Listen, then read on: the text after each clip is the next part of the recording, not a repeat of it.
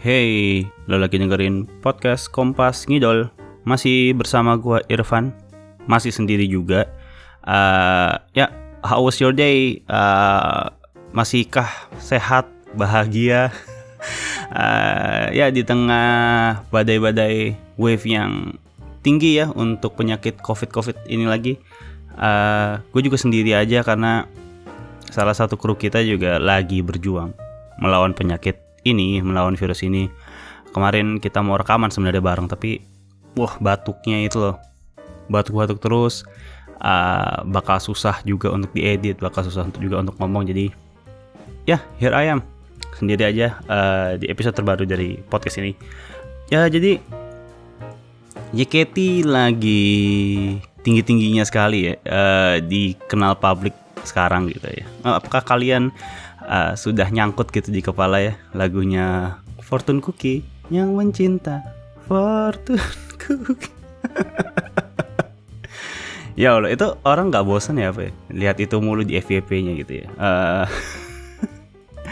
gue personally tidak uh, install TikTok di HP jarang sekali gitu lihat TikTok member hanya lihat yang mungkin lewat di Twitter atau lewat di uh, grup chat gue gitu. Tapi ketika dikasih hmm, gue juga agak bertanya-tanya sih kenapa apa ya trennya tuh uh, hype banget gitu tren tren fortune cookie ini.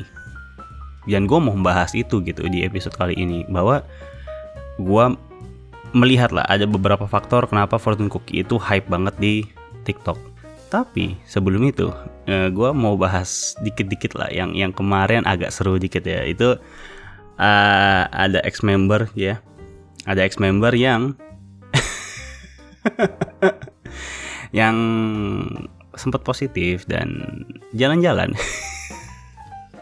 Yang katanya sudah negatif juga kok. Jadi nggak nggak apa-apa sebenarnya. Cuma rame dan segala macam terus akhirnya bilang ex member itu bahwa uh, pantas ya uh, member tuh pada nggak betah gitu. Karena fansnya kayak lu semua. Ya oke. Okay.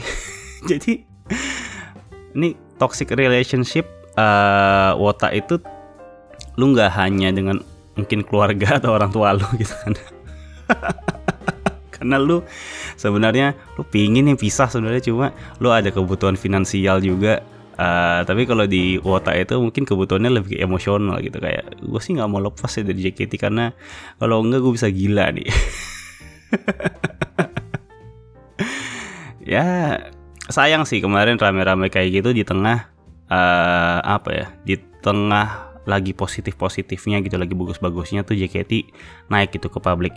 Dan you know what uh, salah satu temannya si Vander uh, kru podcast ini itu nanyain gitu bahwa itu kenapa ada ada ex member kok perilakunya seperti itu? Nah jadi ya uh, dijaga ya dijaga lah ya uh, ex member ex member ini uh, ya member mungkin dalam hatinya juga banyak nahan-nahan ya tapi karena member aja sih mungkin ya Oke, okay, jadi uh, back to topic kita akan bahas uh, Fortune Cookie. Gue penasaran sih karena yang dengerin podcast ini kan juga secara usia cukup muda-muda ya kalau gue lihat di analytics gue gitu. Jadi pada bikin ini nggak ya? Pada bikin konten Fortune Cookie nggak ya? Gue penasaran sih. Dan gue ngeliat sih beberapa yang konten-konten yang bukan member ya. Uh, ternyata memang ada ini ya kayak ada dua apa dua tipe gitu. Dua dua story yang dipakai untuk bikin konten fortune cookie. Jadi pertama uh, glow up gitu jadi lo pasang foto masa kecil lu atau foto lu beberapa tahun yang lalu yang lu anggap itu masih jelek lah gitu. Masih tidak di wujud fisik yang lo harapkan mungkin yang mungkin tidak diador oleh orang-orang. Terus akhirnya lo jadi cantik jadi ganteng. Tadi gue lihat ada beberapa yang uh, pasang foto weight loss journey-nya dengan uh, Fortune oke okay, valid enough. Uh, tapi ada yang cukup kreatif malah ada yang tadi apa ya tadi ya kayak bisnis gitu dia bisnis atau bisnis atau apa ya. pokoknya dia membangun satu usaha dari nol terus jadi jalan bagus gitu terus pakai lagu Fortune Cookie. Uh, agak nggak relate sih sebenarnya sama liriknya cuma oke okay lah. TikTok is a apa ya is a platform that really easy to viralize a thing viralless itu term gak sih? Maksudnya mau membuat sesuatu jadi viral gitu dan uh, ya biasanya memang tidak long last sih virality-nya gitu. Karena kan memang viral itu kan kayak virus. Basically virus can go uh, in a moment gitu ketika ada obatnya atau ada virus-virus baru. Kecuali virus COVID ya. masih masih lama udah 2 tahun. uh, ya, tapi gue melihat bahwa kontennya sendiri memang bagus jadi gue nanya gitu ke beberapa orang kenapa kok uh, konten ini cukup viral? gitu. Jadi katanya memang awal-awalnya itu dari uh, wota TikTok. Jadi wota TikTok ini memang suka banyak yang bikin konten kan. Dan salah satunya konten Fortune Cookie ini yang menggunakan foto member katanya. Uh, kayaknya bukan pakai foto mereka sendiri mungkin nggak berani juga ya. Maksudnya mungkin nggak nggak pede-pede amat juga gitu. Terus nah pakai foto member Uh, terus kayaknya member juga mungkin lihat ya viral gitu banyak yang pakai background fortune cookie-nya. Mereka satu persatu bikin foto-foto mereka dari kecil, masih culun-culun, masih kucel-kucel gitu ya, belum kena bedak JOT gitu, belum kenal make up sebenarnya sama belum kenal fashion statement gitu. Jadi uh, mereka berubah total gitu jadi idol yang kayaknya dipuja-puja orang gitu. Uh, gue sih lihat memang kenapa bisa viral satu mungkin bukan karena crafting konten ya maksudnya bukan secara karena kontennya sendiri itu keren bagus gitu tapi message-nya kalau kata gue jadi gue itu sedang menjalankan satu riset gitu satu riset konten digital yang di mana ternyata yang charting di berbagai platform entah itu Spotify entah itu digital streaming lainnya movie misalnya atau dan lain-lain itu memang yang trending sedang diusahakan dari apa ya dari platformnya itu sendiri dan juga dari kreatornya itu adalah memang konten-konten yang relatable dengan Gen Z gitu. Gen Z di mana di Indonesia adalah demografik yang kedua terbesar. Millennials tuh masih agak gede dikit, agak beda cuma kayak berapa persen gitu dari Gen Z. But Gen Z is the most digital, mereka digital native, Uh, dalam arti mereka dari kecil udah terpapar konten-konten dan perangkat-perangkat digital dan uh, mereka sangat mencari konten-konten yang ini yang terkait dengan social issue, dengan insecurities, ya kan, uh, dengan self love, gitu, self development, healing, ya you know what ya, those jaksel terms ya. Uh, jadi kalau lo lihat juga misalnya kayak di mana ya di di podcast Spotify lah gitu. Itu kan yang yang lagi naik kan podcast podcast yang galau-galau gitu kan. Nah menurut gua Fortune Cookie itu memang sih lagu itu ya galau. Liriknya juga tidak galau-galau banget. Cuma liriknya itu cukup straightforward bahwa orang-orang itu cuma ngeliat yang cantik-cantik aja yang yang bagus-bagus aja tampilannya. Uh, tidak melihat mungkin inner beauty atau sikap aslinya. Tapi sebenarnya sebenarnya dikonfirm ulang lagi sama mereka yang buat konten bahwa they are trying to be pretty gitu. Mereka tuh sebenarnya mencoba menjadi keren dan dan dan dan indah gitu dalam dalam bentuk fisiknya. Means mereka juga sebenarnya mengincar satu standar sosial atau uh, satu apa ya? Satu hal yang memang mungkin lebih diedor oleh banyak orang gitu ketimbang menjadi diri sendiri yang tidak begitu mungkin perhatian pada penampilan. Itu kalau ngelihat dari kacamata skeptisnya ya gitu. Ya mungkin kan kalau dari kata kacamata uh, toxic toxic positivity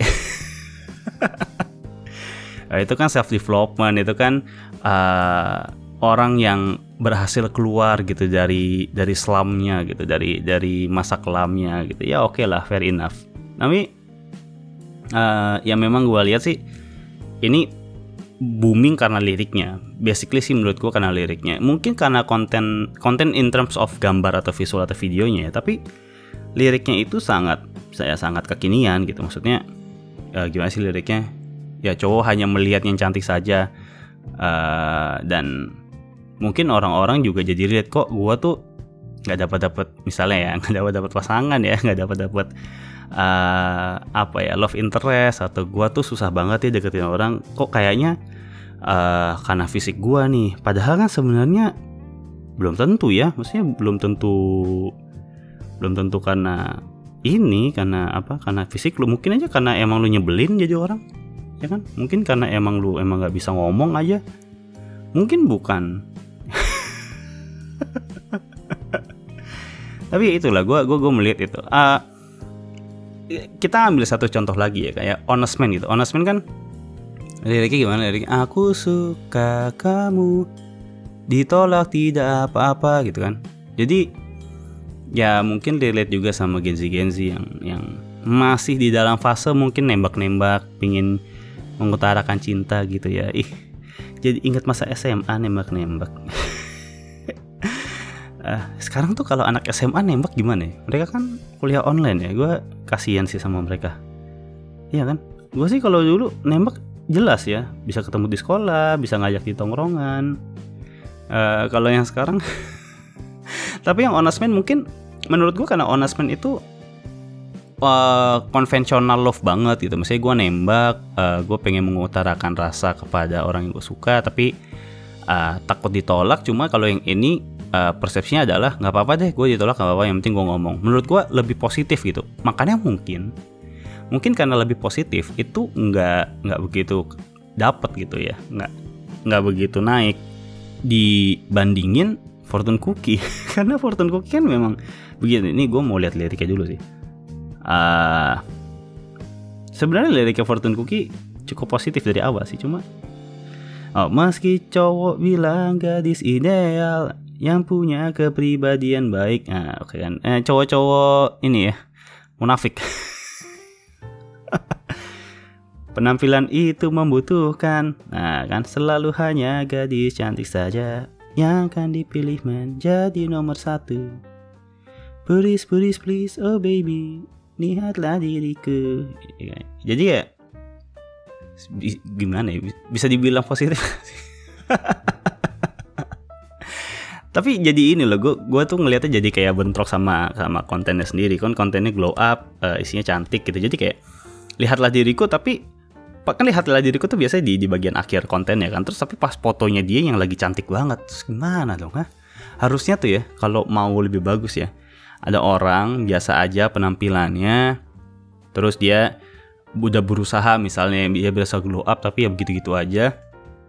Terus uh, ketemu cewek gitu atau ketemu cowok pokoknya ketemu love interest yang menghargai dia hanya dengan penampilannya saja gitu dan mungkin pasangannya harus lebih cakep atau harus lebih ya pokoknya harus lebih keren lah gitu dari dari dia secara fisik gitu. Nah itu menurut gue lebih make sense untuk untuk untuk Fortune Cookie ini ketimbang yang sekarang. Kalau yang sekarang tuh lebih affirmative pada insecurities dan kebutuhan lu akan tampil keren di sosial media sih. Iya gak sih?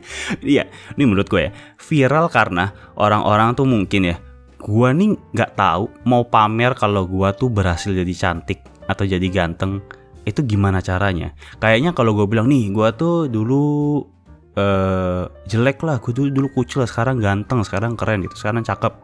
Kayaknya tuh pamer banget gitu. Tapi kalau pakai fortune cookie tuh kayaknya ter apa ya tertone down gitu ter apa ya ter aduh gue nggak tahu nih ngomong apa ya. Pokoknya intinya adalah ya gue nggak pamer-pamer amat lah. Ini liriknya adalah mendukung kita bahwa kita harus glow up. Jadi jadi aneh aja sih kalau kata gue sih. Uh, ya tapi memang ya maksudnya pengguna TikTok itu setahu gue kebanyakan Gen Z anak-anak SMA SMP gitu yang mereka dari kecil udah terpapar sosial media dan menurut gue itu juga membuat mereka jadi insecure kepada penampilan dirinya karena orang-orang hanya menunjukkan versi terbaiknya aja di sosial media dan itu bikin jadi lu stres. Kok orang lain kayak gitu gue begini-gini aja ya. Mungkin itulah kenapa Fortune Cookie meledak ketimbang Honest Man gitu yang yang lebih straightforward ke keberanian dalam menyatakan cinta gitu. Yeah. ya jadi menurut gue itu salah satu faktor yang yang apa yang bikin hype gitu. Uh, tapi sayang ya karena menurut gua hmm ya Kompas Ngidol ya biasa ya mengkritik JOT ya. JOT nya ini loh uh, kurang gitu ya kurang kurang agresif gitu dalam memanfaatkan hype ini gitu. Karena men hype TikTok itu kayaknya seminggu dua minggu hilang gitu. Dan ya mungkin kalau sekarang orang-orang katanya sih kalau orang di publik itu banyak yang humming fortune cookie gitu ya. Gitu. Jadi kayak dia nggak humming terus dia muterin lagunya mungkin di cafe atau di toko gitu ya. Will that be everlasting? I'm not sure. Jadi JOT-nya harus agresif untuk ngambil momen ini sih. Cuma gue tuh kasihan gitu karena kenapa setiap JKT lagi viral di TikTok tuh pas lagi ini ya lagi pengetatan PPKM sekarang mau teater susah nggak ada teater malah udah tiga minggu kan. Eh tiga minggu dua minggu deh dua minggu variety show variety show.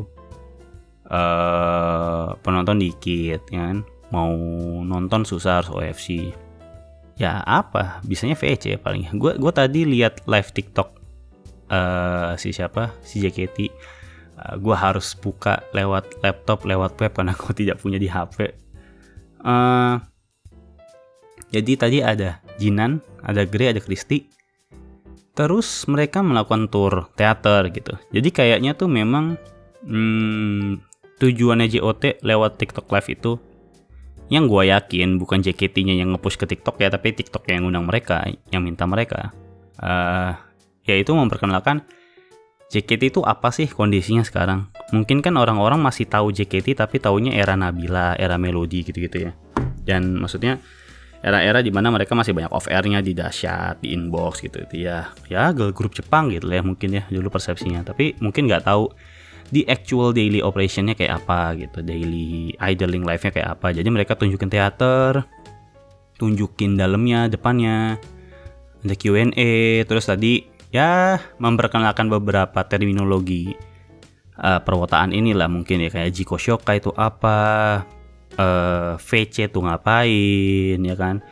Uh, bahkan mereka tadi sampai kayak simulasi VC gitu. Jadi kayak hmm, ke kameranya gitu terus halo kak lagi se apa halo kak lagi ngapain? Hari ini ngapain? gitu gitulah. Jadi kayak VC VC gitulah. Uh, jadi mereka juga ngejual VC-nya itu juga di kesempatan TikTok live yang tadi dilihat kayaknya rentang 7000 8000 orang ya. Gue kira bakal lebih banyak ya ternyata nggak banyak banyak amat ya.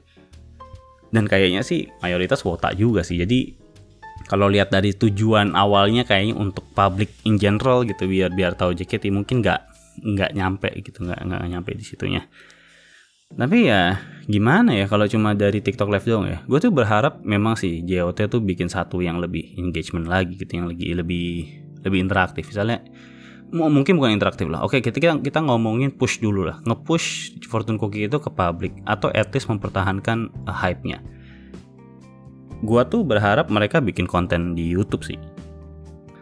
Uh, entah itu special performance video ke, dance practice ke, apa instruksi tutorial uh, joget fortune cookie ke, maksudnya gue sedih kemarin ada yang lihat ada tiktoker gitu ya yang bikin tutorial dance fortune cookie gitu.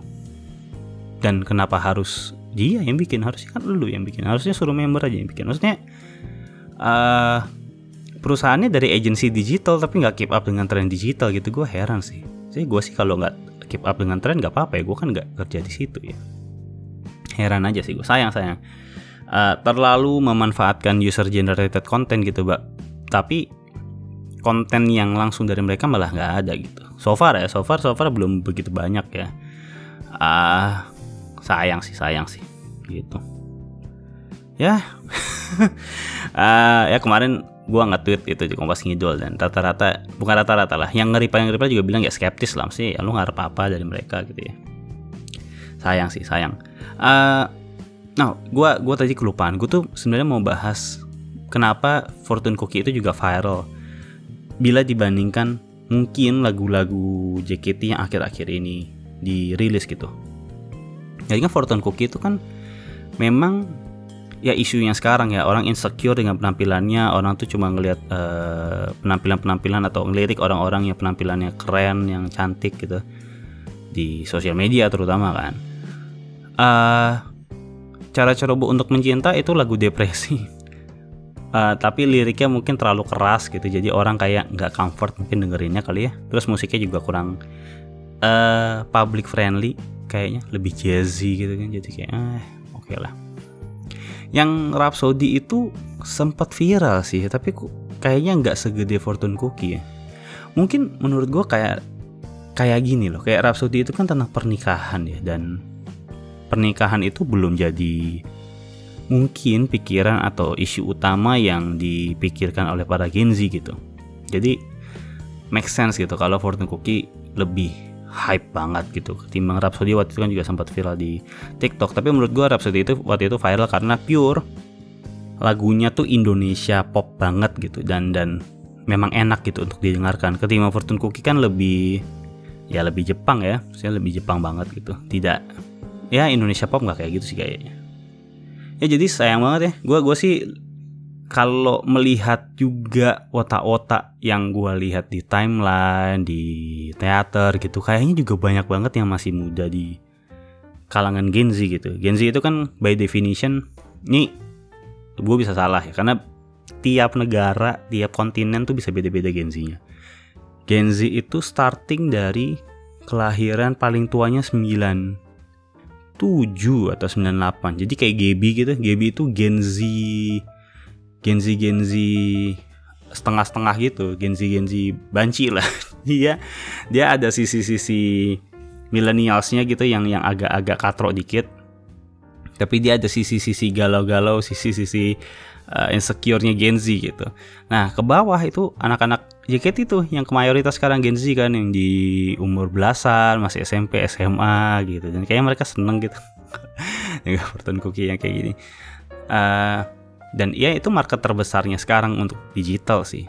Itu gede banget pasarnya. Walaupun mungkin belum menghasilkan banyak ya, tapi kalau kita ngomongin keberlanjutan ya 2-3 tahun ke depan fansnya dari Gen Z itu sih. Yang terbesar mungkin di usia-usia gua atau yang di atas-atas gua tuh udah mulai cabut-cabut. Karena kan ya udah mulai mikirin hidup kan udah mungkin nyicil rumah nyicil duit nikah uh, ngurusin anak ngurusin istri gitu kan. Ya kita lihat saja sampai kapan ini tren akan bertahan. Ini menurut gue tinggi banget trennya. Jadi kalau JOT nggak ngapa-ngapain sih ya gue udah nggak tahu sih udah Sampai tadi di Wotanet ada yang bilang ganti agensinya aja tahun depan. Ya sebenarnya menurut gue bukan ganti agensinya sih, ganti kepemimpinannya, ganti di refresh gitu loh isi-isinya dan pemimpin-pemimpinnya udah terlalu kolot menurut gue, udah terlalu konservatif, ya gak sih? Ya itulah, jadi mungkin kesimpulannya gitu ya. Uh, mungkin ya, mungkin untuk untuk menyimpulkan episode ini, menurut gue ya, gue nggak tahu ya, pasti pasti atau mungkin sudah on proses uh, setlist original JKT gitu. Melihat yang tren adalah lagu-lagu tentang ke apa ya kekhawatiran anxiety anxiety anak Gen Z, mungkin original setlist tuh bisa beberapa lagu itu ngangkat topik itu sih. Dan itu yang mungkin dipush ke publik. Jadi lo jual liriknya, jadi biar orang ih JKT itu gua banget ya lagunya. Kalau apa ya JOT nggak bisa marketing dengan oke okay, dan masih me, apa ya idealisme gitu dengan karya nah, itu tuh caranya itu. Itu oke okay lah uh, itu aja buat episode kali ini. Thank you yang sudah mau mendengarkan dan dengerin episode kita yang lain mungkin uh, podcast kita udah ada di noise udah dari lama sih. Jadi kalau lo yang pakai noise boleh dengerin kita di noise. Uh, bisa komen-komen juga di situ. Oke? Okay? so thank you for listening uh, and have a great day. Bye bye